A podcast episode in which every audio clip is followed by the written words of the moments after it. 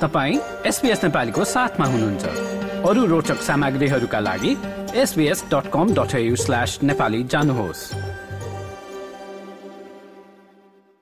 करिब तीस लाख अस्ट्रेलियनहरूले उच्च शिक्षा ऋण कार्यक्रम वा हेल्प योजना मार्फत सरकारी ऋण पाएका छन्। यदि तपाईँ उच्च शिक्षा लिने सोच्दै हुनुहुन्छ भने तपाईँ पनि जागिर नपाउँदासम्म पढ़ाईको शुल्क नतिर्नको लागि योग्य हुन सक्नुहुन्छ।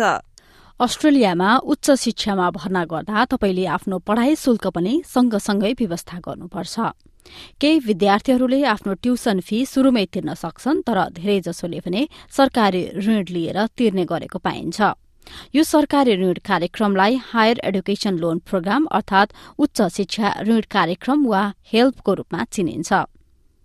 त्यहाँ पाँचवटा विशेष मद्दत योजनाहरू छन् जसमा हेक्स हेल्प र फी हेल्प सबैभन्दा सामान्य छन्। शिक्षा विभागकी प्रवक्ता स्टेफनी स्टेकवाल भन्छन् हेक्स हेल्प लोनका लागि योग्य हुन कमनवेल्थ सपोर्टेड प्लेस अन्तर्गत भर्ना भएको हुनुपर्छ।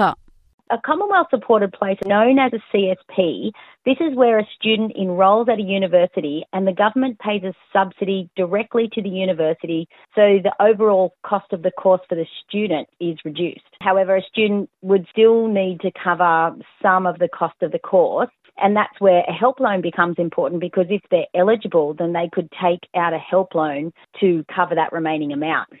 HECS help त्यही बाँकी रहेको ट्युसन फी तिर्नको लागि मात्र पाइन्छ तर बसोबास लगायत अरू खर्चका लागि भने पाइँदैन हेक्स हेल्प वा फी हेल्प लोन पाइन्छ भन्ने कुरा तपाईँले कुन योजना अन्तर्गत भर्ना हुनु भएको छ त्यसमा निर्भर गर्छ स्टेकवेल भन्छन् कि सरकारको समर्थन प्राप्त वा सीएसपीमा भर्ना भएको छ भने हेक्स हेल्प लोन पाइन्छ।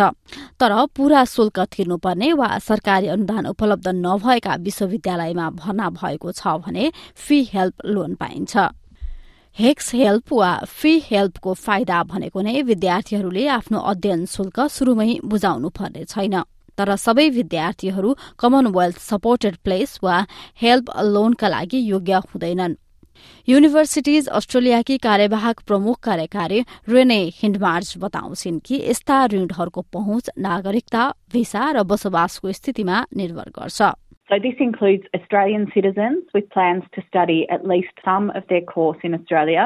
And in terms of visa holders, current or eligible former New Zealand special category visa holders who meet long term residency requirements and commit to studying their entire course in Australia are eligible.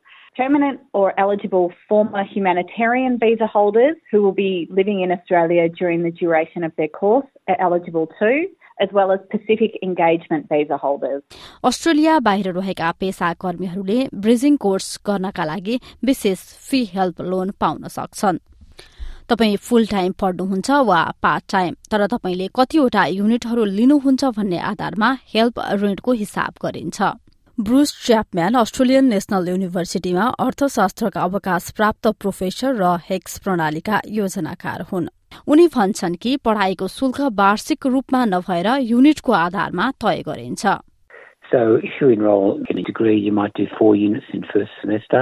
And each of those units will cost a certain sum of money and you'll incur a debt which is the total of all of them.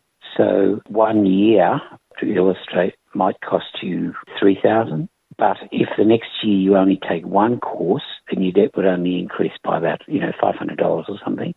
जब ऋण तिर्ने समय आउँछ तपाईँका लागि हिसाब गरिन्छ तपाईँले रोजगारी नपाउन्जेलसम्मका लागि त्यो ऋणलाई चलाइँदैन तपाईँको रोजगार दाताले तपाईँको प्रत्येक तलबमा आमदानी करका लागि रकम छुट्याउँदा केही बढ़ी छुट्याउँछन् जसलाई हेल्प ऋण तिर्न प्रयोग गरिन्छ प्रोफेसर च्यापम्यान भन्छन् कि तपाईँको वार्षिक आमदानीको आधारमा मात्र यस्तो गर्न मिल्छ Currently, that level is $52,000 a year, and then you'll pay a percentage of your income to repay the debt. It starts at 1%. So, for example, if you've got a debt for $30,000, which would be not uncommon, and you don't start working in a job until five years later. Nothing happens at all. When you earn $52,000, 1%, which is $520, will be taken off your debt until the debt's gone.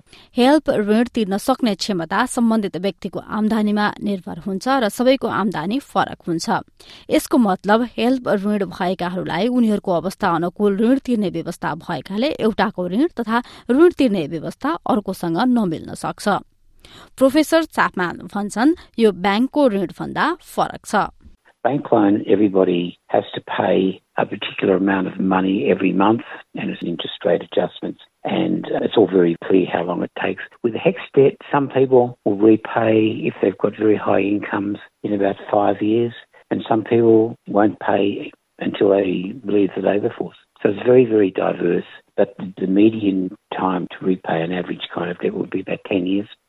अब देश छोडेर गयो भने के हुन्छ त यदि तपाईँ केही लामो समयका लागि विदेशमा जानुभयो भन्दैमा तपाईँको ऋण हट्दैन सरकारले अस्ट्रेलियन विद्यार्थीहरूको ऋण संकलन गर्नुपर्छ If you go overseas for some period, it's not a short term thing, it's not, not a holiday. You're required by law to make a statement which is an official record of what you earned wherever you were, and then the HEX rules would apply and you owe that amount of money in the same way as if you're in Australia. विद्यार्थीहरूले कति ऋण रकम जम्मा गर्न सक्छन् भन्ने कुरामा पनि सीमाहरू छन् यी जानकारी सरकारी स्टडी असिस्ट वेबसाइटमा सूचीकृत छन् तपाईँले आफ्नो आय तोकिएको बिन्दुमा वार्षिक बाहन्न हजार डलर नपुग्दासम्म ऋण तिर्न शुरू गर्नु पर्दैन। तर यो याद राख्नु महत्वपूर्ण छ कि यसो गर्दा तपाईँको ऋण भने बढ्न सक्छ। स्टिफन स्ट्रेकवाल चेतावनी दिन्छन् कि हेल्प ऋणमा तिर्न बाँकी रकम प्रत्येक वर्ष सूचीमा थपिँदै लगिन्छ र सोही अनुपातमा मूल्य बढ्न सक्छ।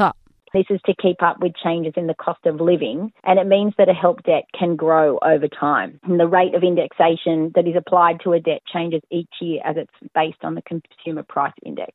Professor Chapman जानकारी गराउँछन् कि हेल्प योजनामा एक विशेष महत्वपूर्ण विशेषता छ त्यसैले यो विदेशी विद्यार्थीहरूका लागि रहेका अन्य ऋण योजनाहरूभन्दा फरक छ ऋण तिर्ने कुरा आमदानीमा निर्भर हुने हुनाले यदि तपाईँ आर्थिक कठिनाईको सामना गर्दै हुनुहुन्छ भने डेप्ट कलेक्सन वा ऋण संकलनबाट सुरक्षित राखिन्छ If people are in trouble, they lose their job or they're ill or they're looking after an aged parent or a newborn child, they don't have to worry about repaying because the government will collect it later if their financial circumstances improve.